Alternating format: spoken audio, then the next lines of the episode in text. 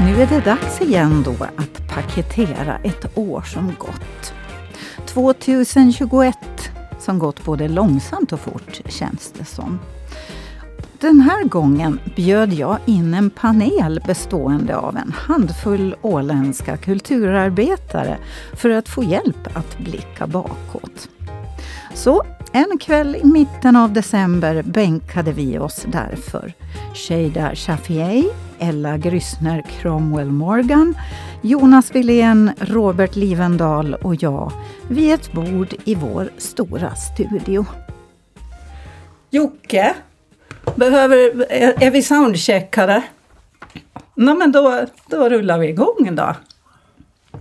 Och jag får väl börja med att konstatera att jag trodde aldrig att det skulle vara så lätt att få ihop en kulturpanel bestående av fyra stycken vansinnigt upptagna personer. Men då jag ringde så var det liksom bara ja, ja, ja, ja, ja.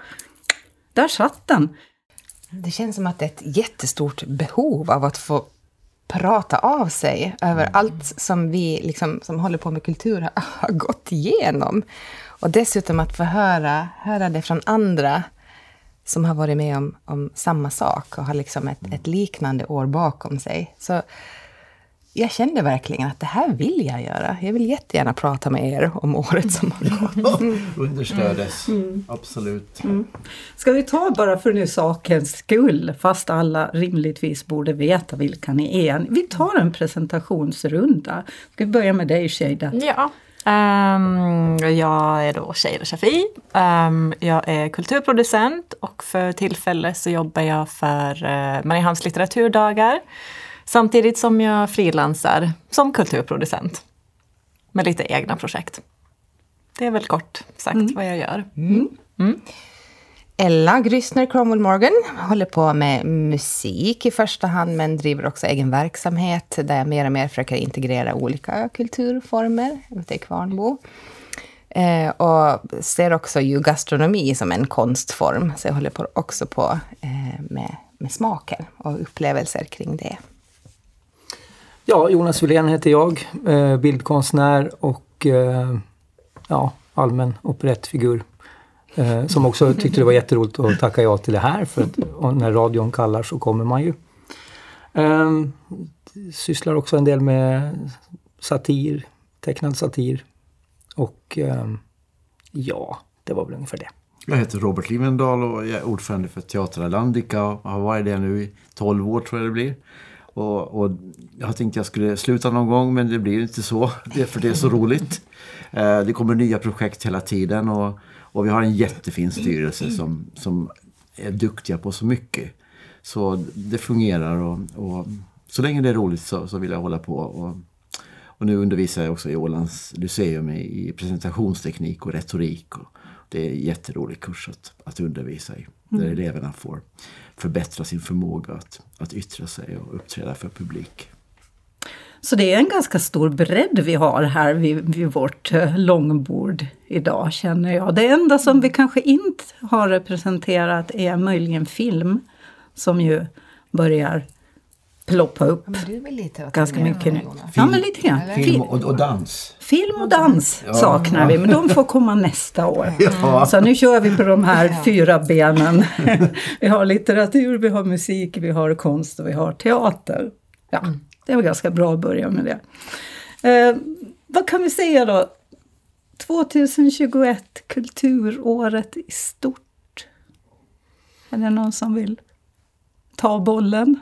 Jag sa snabbt till eh, Ella att jag inte riktigt minns faktiskt vad, vad allt man har fått uppleva. Det är liksom som att det skulle vara blankt även fast man vet att man har, det har ju hänt jättemycket det här senaste året.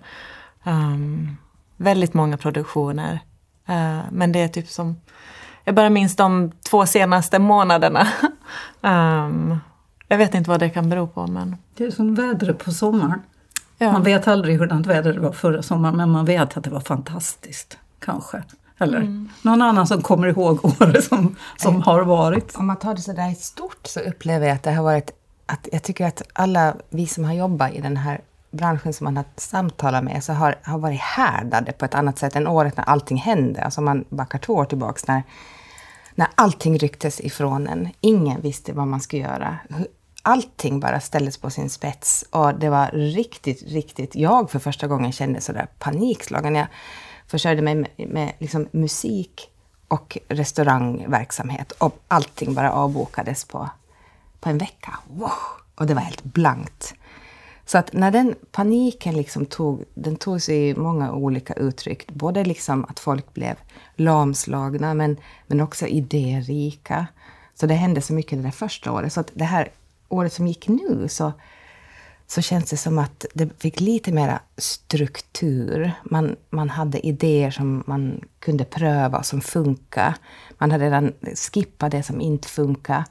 Dessutom när det kom liksom direktiv åt olika håll så blev man inte lika frustrerad utan jag upplevde att ja, nej, men nu blev det så.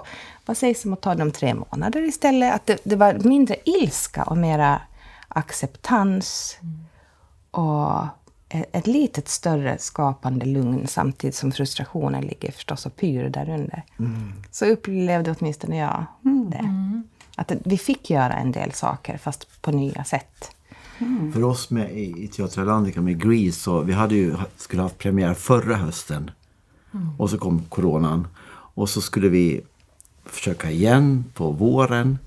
Och, och då blev det så att, att i princip när allt var klart för att, att, flytta upp på scenen så, så gick ridån ner precis framför våra ögon. Så det, det var jättejobbigt. Men då så tänkte jag också på alla andra eh, som arbetar professionellt med teater och musik och, och allt. Att, att, att hur, hur de har haft det och sådär. Att man, man, man, man, man får liksom försöka, bort sig från sig själv och sitt eget elände just då. Att, att det finns så många fler. Mm. Och, men sen fick vi ju då ha premiär verkligen i, på nytt på hösten och, och, och det var så helt otroligt att få, mm. få, få, få, komma upp på scenen då och att det kom så mycket folk. Så det, det, det kändes som en, en, en stor belöning. Och jag tror att många människor gick man ur huset för att se föreställningen. Att, att, för att det, äntligen. Det fanns en hunger. Liksom. det fanns en hunger. Nu finns det någonting och, och, så, och någonting glädjefullt. Mm. Med mycket sång och, och dans och, mm. och så. Jonas, du då? Ja, jag håller väl med och jag tycker också att det är lite svårt att, att sortera det här senaste året. För jag tror att det här som ni också var inne på, att det finns någon form av gummibandseffekt. Att förra, för året före så var så oerhört utmanande på många plan. Och sen hade på något sätt hela samhället vant sig med det här liksom nya sättet att leva, lite grann i alla fall. Och då blir det ju, det, det, där var ju en sån här korken ur effekt med Grease till exempel. Det såg man ju när man var där att det liksom, folk var, ja, det var ju lite sådär som på Bollstaholm när de släpper ut. Jag tänkte precis så. Ja. Så. Det var som ett kosläpp på Bollstaholm. Ja. Kulturellt kosläpp. Ja, ser rubriken. Ja. Men, eh, men det, det jag, har ju en lite annat perspektiv som kulturutövare men ur en väldigt ensam horisont. Alltså att jag såg någon ganska rolig bild på några sociala medier och hur det är för en, en konstnär. Så var det liksom före pandemin, under pandemin och, och liksom efter pandemin så är det exakt samma bild, att man sitter bara och målar. Liksom. Men det är ju klart att man möter ju sin publik via utställningar och det hade jag, fick jag känna på förra sommaren. Mm. Uh, Just det, du, du, skulle, eller det var ju en utställning. Jo, men den, den liksom. gick ju att genomföra men det, fram till så att det verkligen blev av så var det ju väldigt osäkert med, med vernissagdatum och om det alls skulle kunna gå att genomföra och mm. Allt det där. Så det fanns ju en sorts um, stressfaktor i det. Även om man sen en utställning så, så hänger ju där och, den, och då, är det ju liksom klart. Men, men um, det där är någonting som eh, förstås har försvårat, liksom, så, om man tittar på det breda perspektivet över hela kulturfältet så är det ju en väldigt, väldigt drabbad del av samhället. Mm. Ja, faktiskt. Speciellt de som fullständigt försörjer sig på den biten. Ja. Mm. Samtidigt som det kanske också till viss del kan leda till en liten så här, att utforska sig själv. Okej, okay, nu har det här ryckts bort. Vad, mm. kan jag något mer? Mm. Och det har man ju sett lite prov på. Sådär att, oj, och kanske hitta ett komplement som kan bli bestående också när scenen kommer tillbaka. Liksom. Och spännande samarbeten som Ja. plötsligt uppstår. Precis. För att det bara blir så. Ja. Det har jag också upplevt att andra har fått idéer som har involverat mig i saker som jag aldrig skulle ha kommit på själv. Som jag sen kan fortsätta med. Så att man kan ju välja förstås att se de positiva bitarna i första hand för att orka igenom allting. Men jag såg en intervju på nyheterna igår med någon man som bor uppe i norra Sverige och upplever den här polarnatten. Och sådär fåordig. Så, ja, hur tycker du att det är när det är så här mörkt? Och nog, det är bra nog. Är det bra? Ja, för man blir så glad sen när det blir ljust. Så, så att den här längtan också till någonting som... Ja, men det, det är så sant det där. Alltså, jag tycker att jag, jag börjar mer och mer tycka om att, att bo här uppe i fast det är mörkt och kallt. Min fru brukar säga att hon går i iden när det blir mörkt och när vintern kommer men, och kommer fram sen på våren. Men det är ju precis så som, som du säger här att, att, att, att ljuset och, och våren, alltså finns det något underbarare? Ja. Så det har varit som lite en jättelång polarnatt här nu. Ett år, eller två år, och ett halvt. ett och ett halvt. polarnatt. Då, då är det inte så underligt att, att kossorna skuttar lite som de får. Absolut. Nej, ja. Men, men alltså, jag kan ju tänka mig, Robert, att för dig så eh, måste ju årets Halleluja moment ha varit Grease-premiären. Det var, det var så roligt. Det var en Kan du sån, beskriva hur det kändes? ja, det var ju som en eufori faktiskt. Men vi var ju, vet du, det var ju en del av glädje. Det var ju inte bara jag utan vi var ju alla. Äntligen får vi uppträda. Äntligen får Tilde Paul Viander stå där och vara Sandy och, och, och, och Staffan då vara den här Danny. För han hade ju tagit ledigt från sina arbeten, flera arbeten då för att, att bo på Åland under den här tiden på våren och sen på nytt då på hösten. Så han satsade ju verkligen på det här. Och det, det är jag så tacksam för.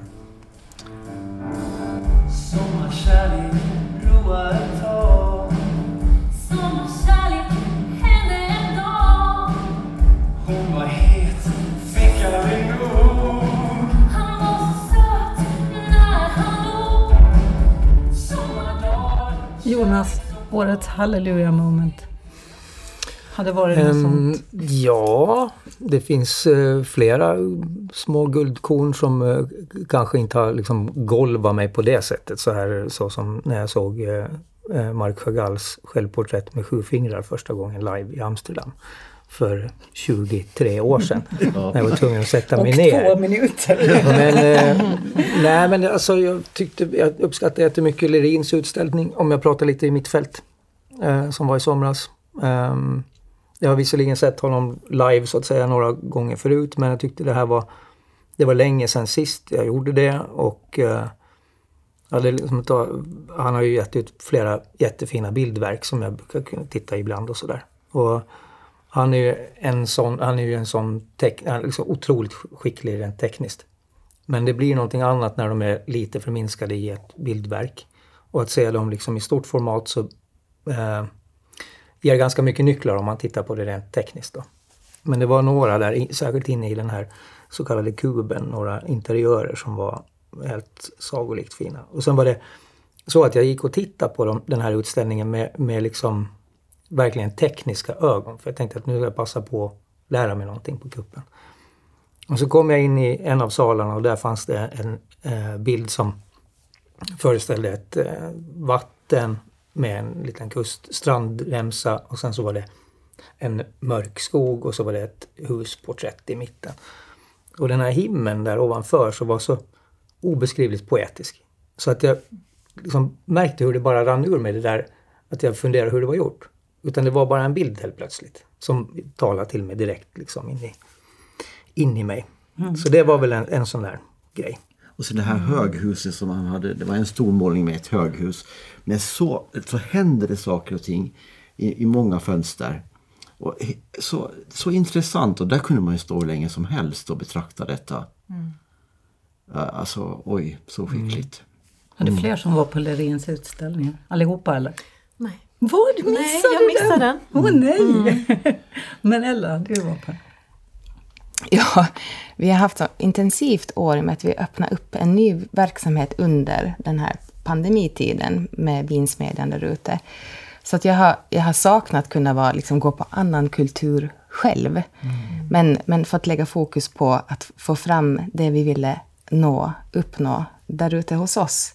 Och bland annat just vårt samarbete där, eh, som var för inte så länge sedan med Eh, där jag alltså, blandade ihop olika konstformer. Eh, det var en kväll alltså med musik, litteratur och konst tillsammans med Kjell Westö och Juha Itkonen.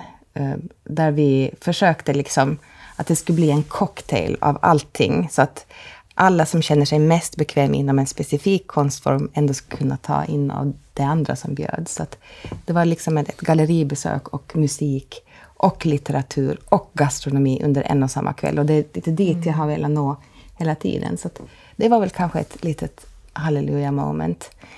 Ehm, men eh, i övrigt så, så har man ju under tiden lite fått över nätet ta del av allt fantastiskt som händer och fått många små moments på vägen dit till, till det stora på något vis.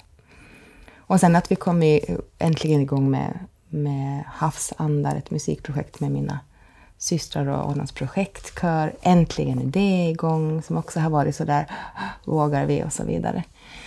Så att det är mycket som har startats igång och som kanske får förhoppningsvis mynna ut i nu nästa år sen. Shada, ditt, Ehm, har du några ögonblick? Eller? Ja, alltså eh, mitt halleluja moment kanske var att, eh, att jag fick jobbet som projektledare. att någonting mer, eh, någonting mer stadigt och ständigt. Eh, det har varit väldigt mycket projektarbeten, korta anställningar här och där. Och det här på, eller med Mariehamns litteraturdagar kanske kändes som ett okej nu kan jag lite andas ut, ah vad skönt. Um, och jag kan fokusera på ett projekt om jag vill. Även fast det är deltid så är det ändå möjligt. Så det kanske var ett av mina halleluja moments. Men sen var jag också på, på Deluxe här för en månad sedan ungefär. Och det var så himla häftigt att se de här ungdomarna, hur, vilken talang vi har här. Att eh, jag visste inte att vi var på den nivån. Ehm, men eh, men det, det var superhäftigt att, eh, att se liksom hur, vad möjligheter kan göra för ungdomarna. De är så proffsiga redan i en så ung ålder. Det känns lite som att det har varit eh, ett musikens år. Då jag börjar titta bakåt på, på vår produktion, allt som vi har bevakat, känns det som att det har varit ett väldigt musikaliskt år det här. Det har varit musik på många olika fronter. Jag vet ju, i, vi var på den här Patrik Komorowskis eh, Philip Glass eh, konsert. Och han har ju spelat in en skiva med Philip Glass musik. Och, och, och då satt man liksom på scenen. Eh, och han hade då flygen där. Och sen satt också publiken eh, alltså på publikplats. Så att vi omgav honom och hans musik där. Och han spelade bland annat ur den här filmen The Hours med Nicole Kidman som, och, och, som spelar Virginia Woolf i den filmen. Och det, det var liksom så, så, det blev så spännande stämning där i, i, i salen, i den där stora salen.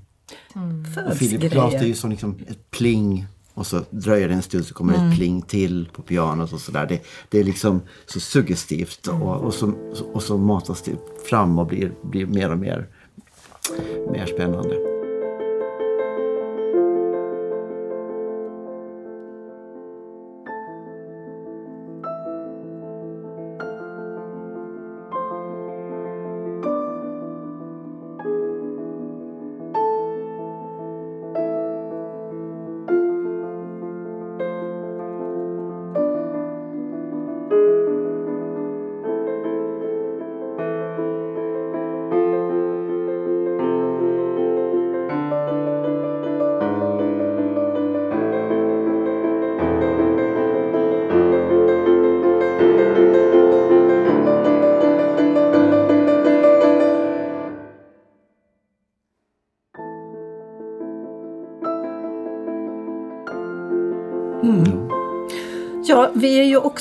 Inne i ett eh, speciellt år som inte bara heter 2021 än så länge. Utan det är ju också Åland 100 som vi är liksom mitt i det firande. Ni då, med det ni håller på med, eh, har, ni, har ni gjort det redan eller har ni det på kommande eller är ni mitt i och kommer det mycket, mycket mer? Det är ju liksom, en del har ju redan klarat av sin bit i det hela, om man säger så. Shada? Ehm, jag har varit med eh, i en del projekt som, som ännu också eh, håller alltså på eh, ett tag framöver. Men, eh, men jag är också där mitt i och så har jag också på kommande. Så att det, jag tror att det kommer hålla på ännu till kanske mitten av nästa år. Ja, ja. Så du kör ända in i kaklet? Ja, man bara passa på. Eh, men, eh, men de, är ju, de lyfter ju fram Åland 100 på olika vis. Um, det, det ena som jag uh, arbetar med var Jag lever än-projektet, det här multikonstnärliga kulturella pro- projektet med bok och föreställning och utställning. Äldre Precis. eh, lumpalänningar. Eller lumpalänningarna, ja, ja. deras berättelser. Ehm, så det var ju ett. eh, och det håller på ännu. eh, men utan mig. Eh, men det går bra det också. Sen är jag lite mitt i med både litteraturdagarna och sen ett eget projekt som blir det persiska nyåret. som kommer firas i mars. Och där tar jag upp den liksom den mångfaldiga åländska identiteten helt enkelt. Ella? Jag har också mitt kvar. Dels i februari den här, den här maratonkonserten som sker på Alandica. Där vi är med. Eh, och sen så blir det ju då ända i, till maj nästa år, som också är en del av Åland 100, den här som jag nämnde redan. Den här Havsandaren, en Östersjösaga, den här musikalen som, som blir ett stort projekt som nu vi håller på att jobba hårt med. Så du är, liksom, du är i den här ladda-fasen? Du. Jag är nog i ladda-fasen. Verkligen, i allra högsta grad. Okej. Bara namnet Havsandar så gör Ja, liksom ja. att man längtar till den där föreställningen. Men det, hörs, alltså det är så suggestivt och så, det blir vackert tror vi. Jonas då? Eh, ja, lite här och där har jag varit med och rört och fört. Eh, Eh, två stycken eh, frimärksutgivningar. Ett som startar det här jubileet eh, från Åland Post då. Ehm, och det var en tillbakablick på 100 år då av självstyrelse och sen kommer det ett, ett märke nu med utgivning, ja, måste väl ändå gissa att det är 9 juni då. Som då beskriver Åland idag kanske. Med olika näringar och sådär. Så de är två sådana här som är tydligt kopplade till det här. Mm. Ehm, sen har jag ett finger med i spelet på det som ska sättas upp här nu, eller som är premiär i januari. Arn-Henrik Blomqvists Ålandskungen. Där jag är med och gör lite visuella inslag. Och det är ju en eh, direkt beställning också från landskapet och Åland 100 är ju med där. Så eh, kanske mer än vad jag trodde när du ställde frågan. Så var det, men jag var ju det, det också. Och så gjorde du den här videon på Svenska dagen. Ja, just det. Ja, Ja, men precis. ser ni? Ja, Så fin! Ja. ja, just det. Då Jag vet inte om det var, men det var ju Ålands eh, hundraåriga historik. ja, till och med liksom. 6000 Sex, år. förlåt. historia. Oj, ja. Så det var mer på en skämtsam not kanske. Men ja. Ehm, så det är väl ungefär det. Och sen eh, ingår det liksom i mitt uh, självpåtagna uppdrag. Titta nu börjar julmusiken. Ingen fara. Ja, eh, men eh, Robert då? Åland 100? Ja, alltså vi har ju börjat repetera den här Miramar-farsen. Och, och, och Miramar det var ju en sån otroligt vacker byggnad från slutet på 1800-talet. Och den byggdes ju då också. Den här, och det låg ju alldeles nere vid Slemmerns strand så att man kunde ju ro fram. Fanns en sandstrand där och så var det badhytter. Och, så att, eh, och där går ju östra utfarten fram nu. Men då var det ju en naturlig strand hela, hela Slemmern där. Mot Slemmern med, med, med bryggor och, och båthus och allt möjligt sånt. Ska allt det rymmas på scenen? Nej, alltså scenografen Jonas Love Danielsson så han ska ju då försöka skapa som restaurangen såg ut på 60-talet. Och då hade ju den här privata villan byggts ut med en stor veranda. Det gjordes, gjordes ju redan på 30-talet. Han ska försöka återskapa det för det finns ju sådana som har varit där. Ganska många tror jag. Som, som annars kommer att säga att så där såg det inte ut. och sen ska, vi, ska han skapa ett Mariehamnshem då. Ja, så nu håller vi på att repetera för fullt då, och det går bra. Så det är jätteroligt. Är det inom ramarna för Åland 100? Ja, det är också det. okej. För det är ju restauranghistoria kan Ja, man ja. säga. Det hör ju Just till. Åland 100 det också. Ja, det är klart. För där har försiggått mycket på, på den här restaurangen. Mm. När jänkan kom till exempel på 60-talet så då måste de staga upp golvet under. för när folk hoppar så här. Annars så skulle de fara igenom. Men sen har jag hållit på med min bok då. Jag har gett ut ett, en, ett, en, en, ett nytt skådespelsbok. Som heter eh, 12 skådespel.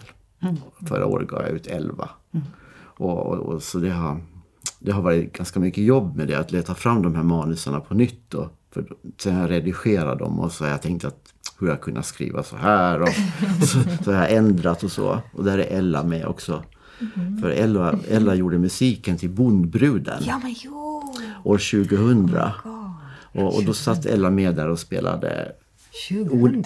Ja, det var det. Det är nästan 100 år. Ja, det är länge sedan. Men, men då, då, var, då gick den i filmsalen. Jo. Och det handlar om Carl Emanuel Jansson när han målar eller skissar av den här Ida från Jomala. Och, och han färdigställde sen målningen i Düsseldorf. Men då gjorde Ella musiken och du hade alla möjliga instrument som du, du skapade så fantastisk stämning i den där filmsalen, kommer jag ihåg. Och Linnea Rosenlöf som var Ja. bondbruden, hon liknade Jätteroligt. också. Så det blev lite sådär nästan, ja va? Ja. Alltså det där, det där det på något underligt vis för det där med in på, för oss in på någonting som jag tänkte prata om nu. Alltså Jonas, du har ju också haft ett eh, rodda omkring med, med bondbruden. Lite grann. Men, Ja, men, är alltså, men Shada har inte haft någonting med bondbruden Nej, inte. okej, Än. då så. Inte nu. Men jag har på lite kul så har jag satt en sån här tänkt eh, ett franskt streck.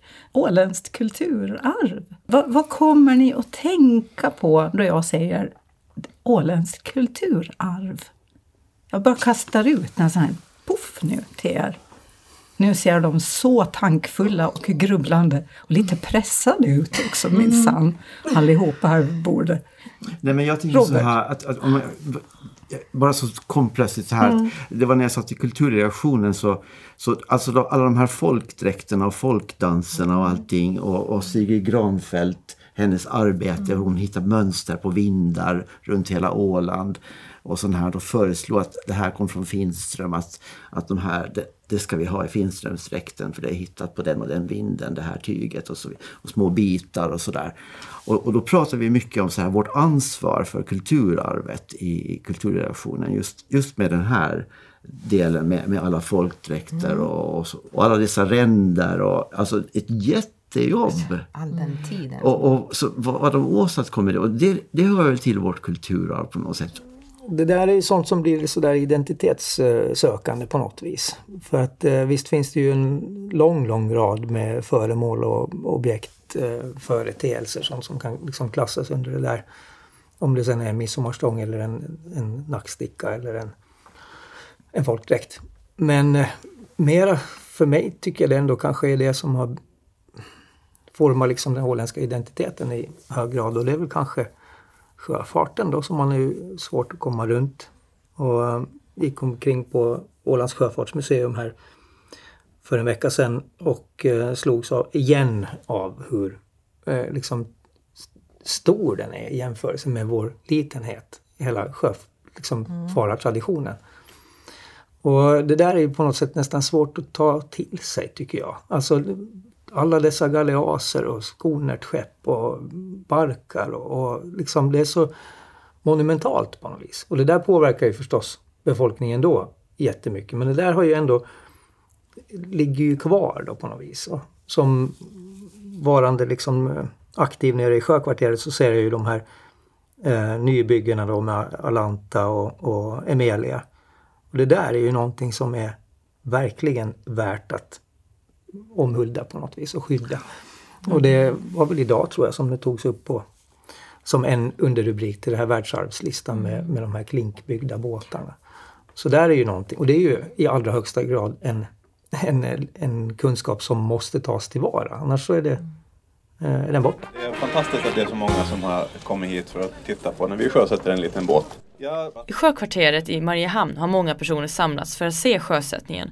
Bryggorna är fullsatta och vissa sitter till och med på taket på en närliggande båt och andra har klättrat upp i masten på en annan. Allt för att få en god sikt över vad som komma skall. Efter några inledande tal och anekdoter börjar man slå bort bromsarna som håller Alanta på land. När det väl är gjort glider hon snabbt ner i vattnet och glider långt innan hon stannar. Vid sjösättningen är arbetsledaren Petter Mellberg och gudmodern Katrin Palmqvist Lågomies ombord på båten. Det är också de som kastar ankare när Alanta väl glider ut på vattnet. Men det, är ju, ro- alltså det är ju för det första är det otroligt roligt att få bygga någonting som är så stort som det här. Att det är ju sånt som sällan, en, som sällan en privatperson kommer och beställer. Så det har ju varit, det har varit väldigt fint att få bygga någonting som är, som är under en så lång tid att man faktiskt har tid att, att fördjupa sig i det projektet man håller på med och att det är en så pass stor båt också att man inte jobbar ensam utan man har kollegor som man tillsammans kan fundera och planera med. Sånt. En annan som också tittar på Alantas sjösättning är Allan Palmer. De är ju väldigt skickliga hantverkare och, och jag har väl har ju lång erfarenhet av olika båtar och har seglat mycket olika fartyg och sådär så att hade ju idéer. Och sen, sen när det gäller estetisk utformning så är det ju kul för dem att få bolla liksom och prata. Hur var det att se Alanta sjösättas nu då? Ja, det var ju häftigt alltså. Det är ju alltid häftigt. Jag har ju varit med på rätt mycket nybyggen och så men det här var ju, den är ju, för det första den är ju så vacker. Alltså. Och sen att den drar, vi visste ju inte så mycket för det är ju ingen matematiskt beräknat skrov heller. Utan att se den dra iväg i 6-7 knop och liksom aldrig stanna upp. Va? Så det visar att det är ett bra skrov och den ligger väldigt fint i vattnet. Så det var kul. Ella? Kultur, alltså för mig så tycker jag det är så fascinerande med ålänningar som, det, som jag upplever att det har varit lite genom tiderna. Att för en ålänning så är litet kan vara jättestort och stort kan vara jättelitet. Så att man blir ungefär lika engagerad i ett recept på ett svart bröd som att liksom Pommern har seglat jorden runt. Vet du, det, det liksom, man är så isolerad ändå så att så världen blir både långt borta och, och nära. Och det där tycker jag är ganska charmigt. Att man, man blir inte lätt impad som ålänning. Att har du hört att den och den har, har flyttat till Amerika och så vidare. Jaha, ja, du har hört att de har en ny gris hos grannen. Alltså det, på något vis så...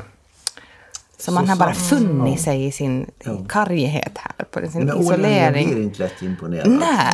nej, nej, Och det, det, är liksom, det är lite skönt, tycker jag. Så att, och det betyder att det kan verkligen för en ålen, ålens kultur arvsmässigt vara lika viktigt med om det ska vara risgryn eller mannagryn som var liksom för, just för ålänningen. Men givetvis om man ser det ur ett världsperspektiv så finns det ju saker som borde lyftas fram från Åland. Men på vilken vinkel man ser det ifrån.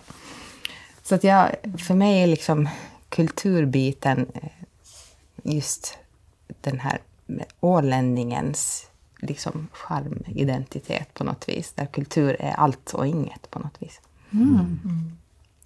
Shada? eh, ett åländskt kulturarv för mig kanske är någon mer miljön än något mer praktiskt eller fysiskt som man har skapat. Utan det är någonting som redan finns. ehm, som den unika miljön här på Åland. Det är havet, ehm, det är graniten, det är den geografiska liksom, placeringen eller, av Åland. Ehm, och det är människorna. Det är liksom det hela som skapar ett liksom, kulturarv i sig. Ehm, det finns så många delar.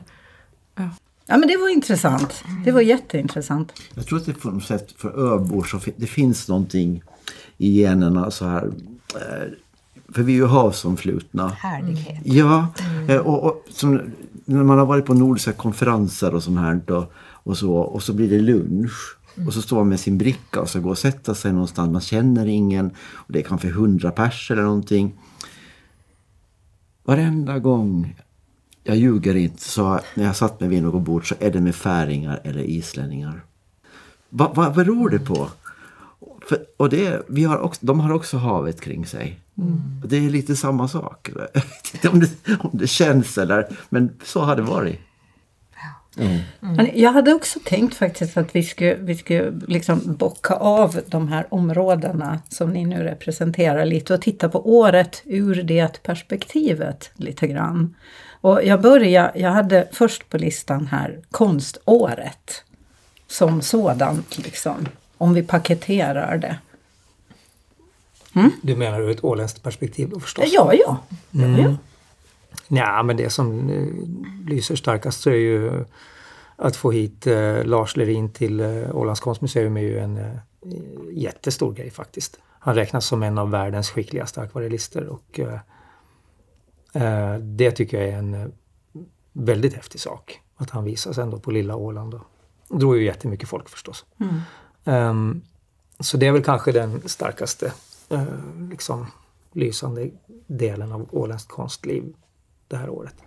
Ja, men du förstår att jag var inne i det där förrådet där så- och, och så bara liksom plockade jag väl till mig på, på ren intuition. Det var otroligt spännande och verkligen när vi fick den här stora transportlådan med verken och man öppnade upp och redan då jag bara kände hur det liksom gick pirrningar längs ryggraden och man man, man så, det var bara sån glädje och sån förväntan när man packade upp de här verken. Det var någonting helt otroligt. Och sen också se dem på väggen. Alla verk blir alltid bättre när man får upp dem och med rätt ljussättning. Och, och jag, jag kan nästan inte, fortfarande inte se mig mätt på den. Jag kommer måste smyga in här och kolla på den nästan varje dag och få min dos.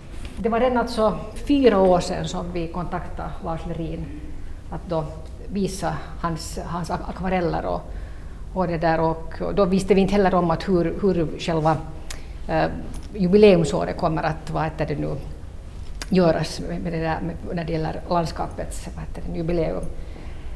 Men, men, vi, men vi öppnade då vår, vår jubileumsår egentligen med Lars, Lars Lerins utställning. Och för oss tycker ju det är roligt nu när, nu när pandemin har varit så pass lång så det är någonting, en liten, en liten fläkt från, från vad heter det, omvärlden att då se, se uh, Lars Lerins utställning nu här på Ålands.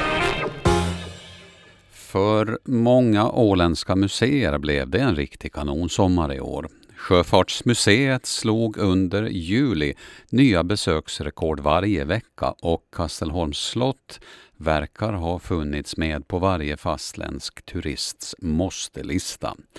Även Ålands, Ålands kulturhistoriska och konstmuseet har all anledning att vara nöjda med sommarens publiktillströmning. Sommaren har sett jättefin ut. Eh, också vad heter, vädermässigt förstås, det vet vi alla, men även besökarmässigt. Så att vi är jätteglada. Vi har haft eh, helt över förväntan med besökare faktiskt med tanke på just pandemisituationen. Man visste ju inte innan sommaren riktigt vad man stod, stod inför och Åland som besöksort stod inför. Men det har ju varit en kanonsommar för oss så att vi är superglada.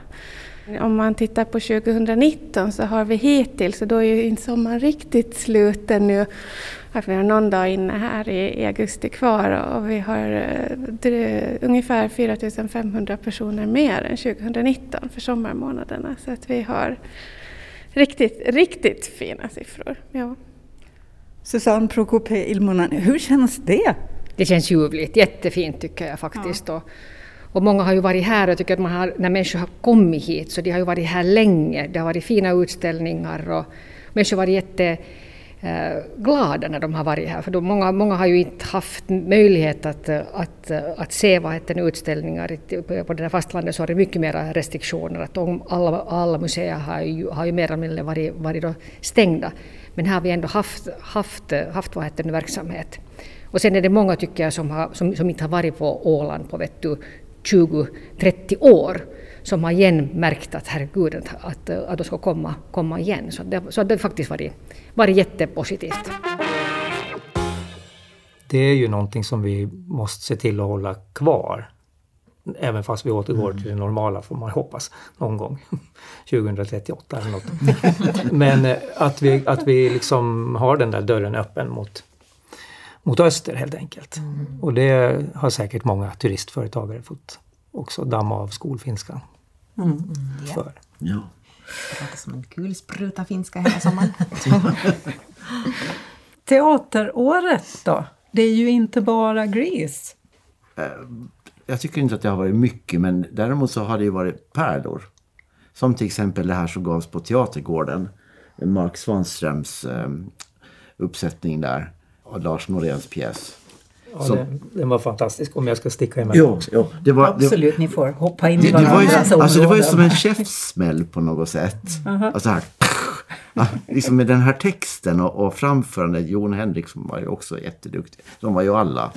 Chris av Enehjelm och, och så. Och, nej men det var, det var, det var en, den finaste teaterupplevelsen det här året tycker jag.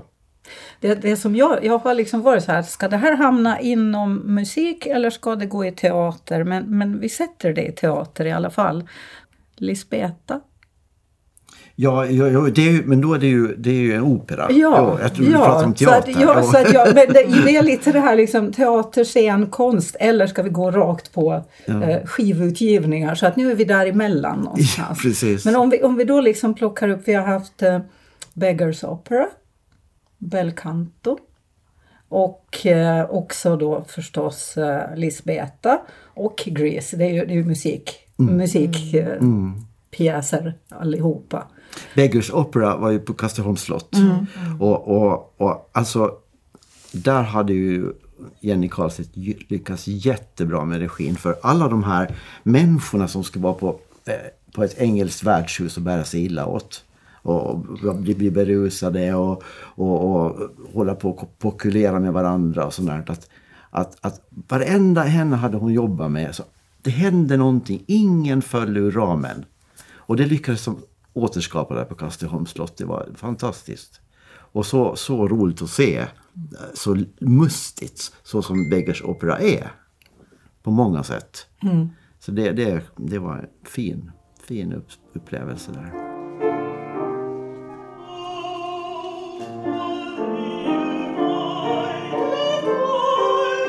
En gammal pjäs från eh, 1700-talet där man helt enkelt kom på att det fanns en massa hits, ungefär som vi lyssnar på radion nu och har våra favoritlåtar, så fanns det även på 1700-talet sådana hits som alla gillade att sjunga och nynna på, som fastnade i huvudet. Och då var det en, en teaterchef som kom på om vi slår ihop alla de där hitsen och så hittar vi på en story till den, så kan vi få en jättebra show. Och det gjorde de och det var den mest framgångsrika showen någonsin, jag kan inte komma ihåg hur många shower, de körde i flera år.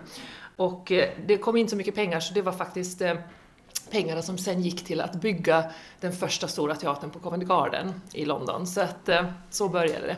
Det här är ju mera som folkvisor på den tiden, ingen opera. Det, det är liksom såna, många, vi har några kändissångare i gruppen och de känner igen melodierna. Så, så det är liksom överskridande på det sättet, man kan inte kalla det för opera. Men Eh, Benjamin Britten som var en engelsk kompositör som var verksam där runt 50, 60, 70-talet, han eh, eh, tyckte att det behövde ett bättre arrangemang för det här. Så han skrev ett nytt arrangemang för den här operan som är lite vassare, lite modernare och det brukar då sättas upp av operahus ibland. Och jag själv gjorde den här operan när jag studerade i London som ung student. Den här operan är ju två och en halv timme vanligtvis. Och vi har bantat ner den till en timme. Jag har skrivit ett helt nytt manus, jag har skrivit helt ny dialog, den bygger lite grann på det gamla men eh, vi har också skrivit om storyn ganska mycket och plockat runt med sången och så vidare. Så att det är en helt ny grej. För att vi har alltså eh, sångerna fortfarande på engelska och sen har vi den talade dialogen på svenska. Så att det här är ett helt eget eh, version och hopplock. Så det är ungefär 60 minuter sammanlagt den här föreställningen.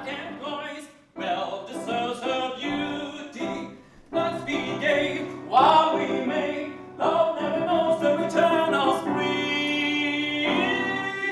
The season may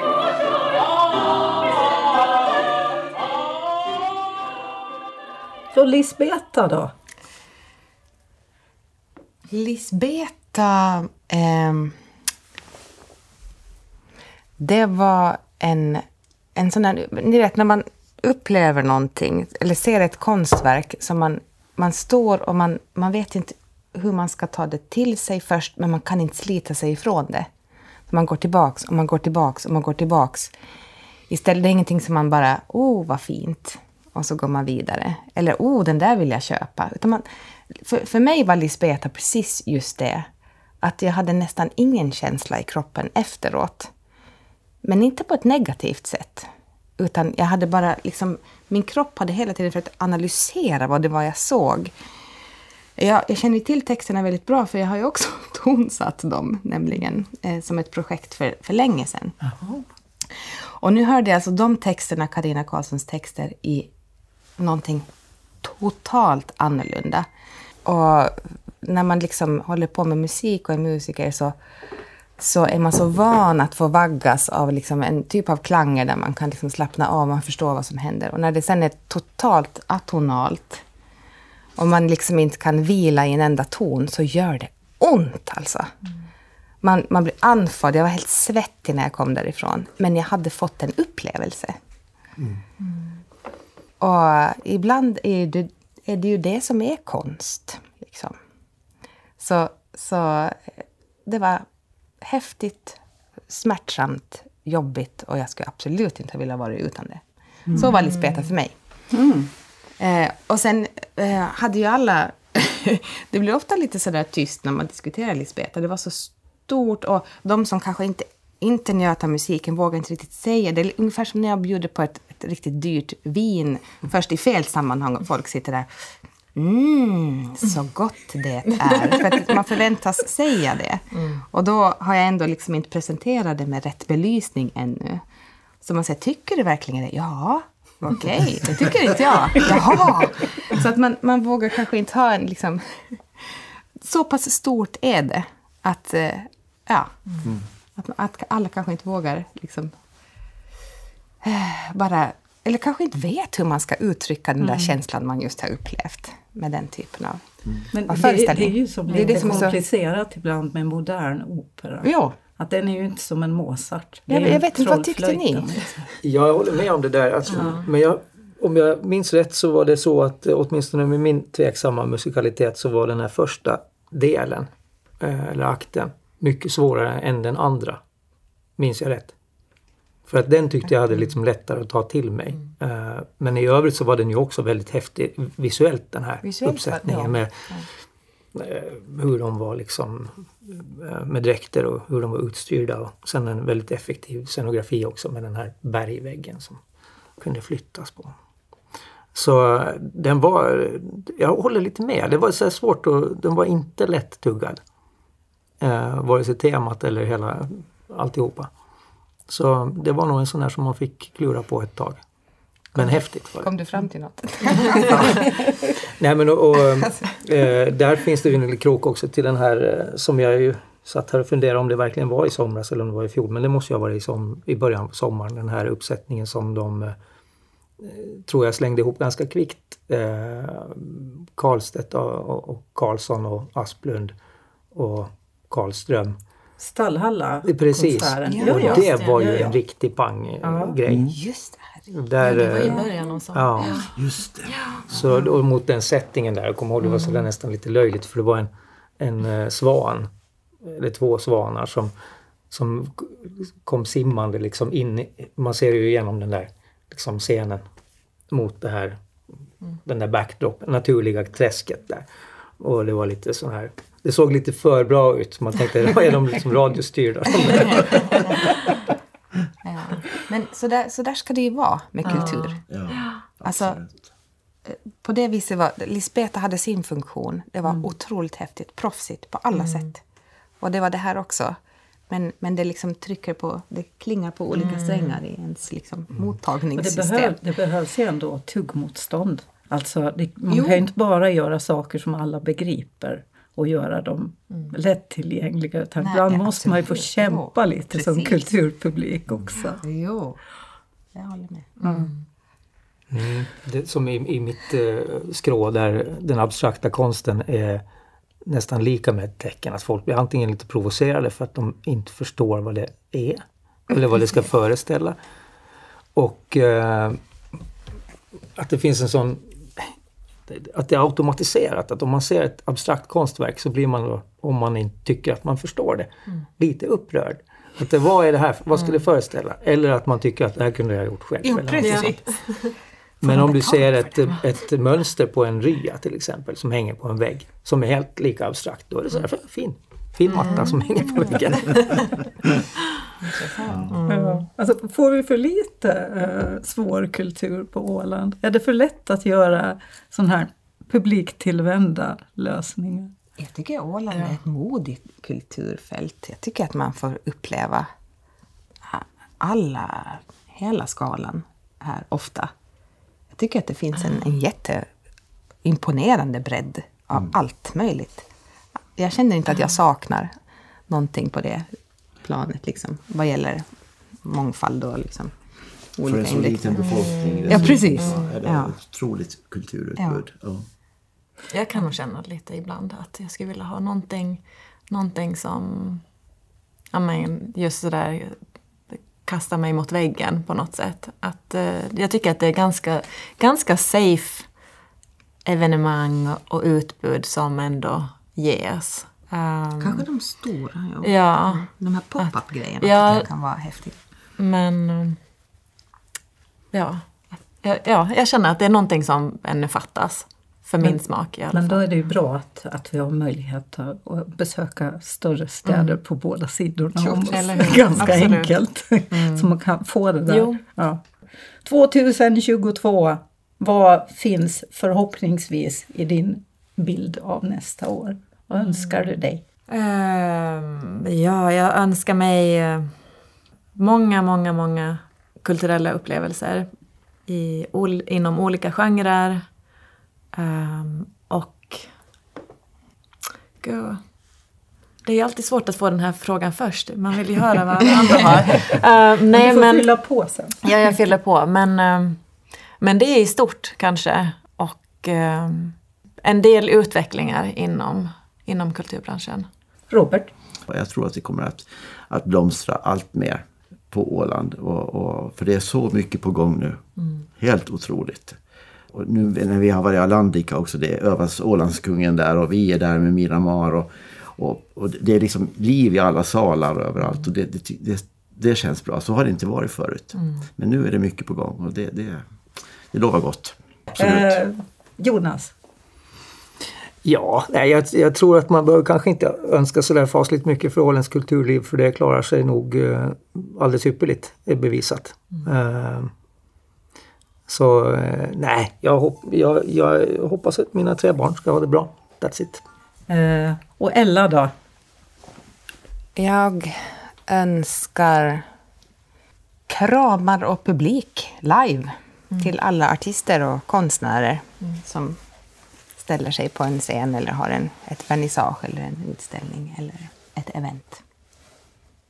Ja, det var fina, fina slutord och eh, då säger vi så här då att eh, ett gott nytt år på er allihopa. Detsamma. Tack för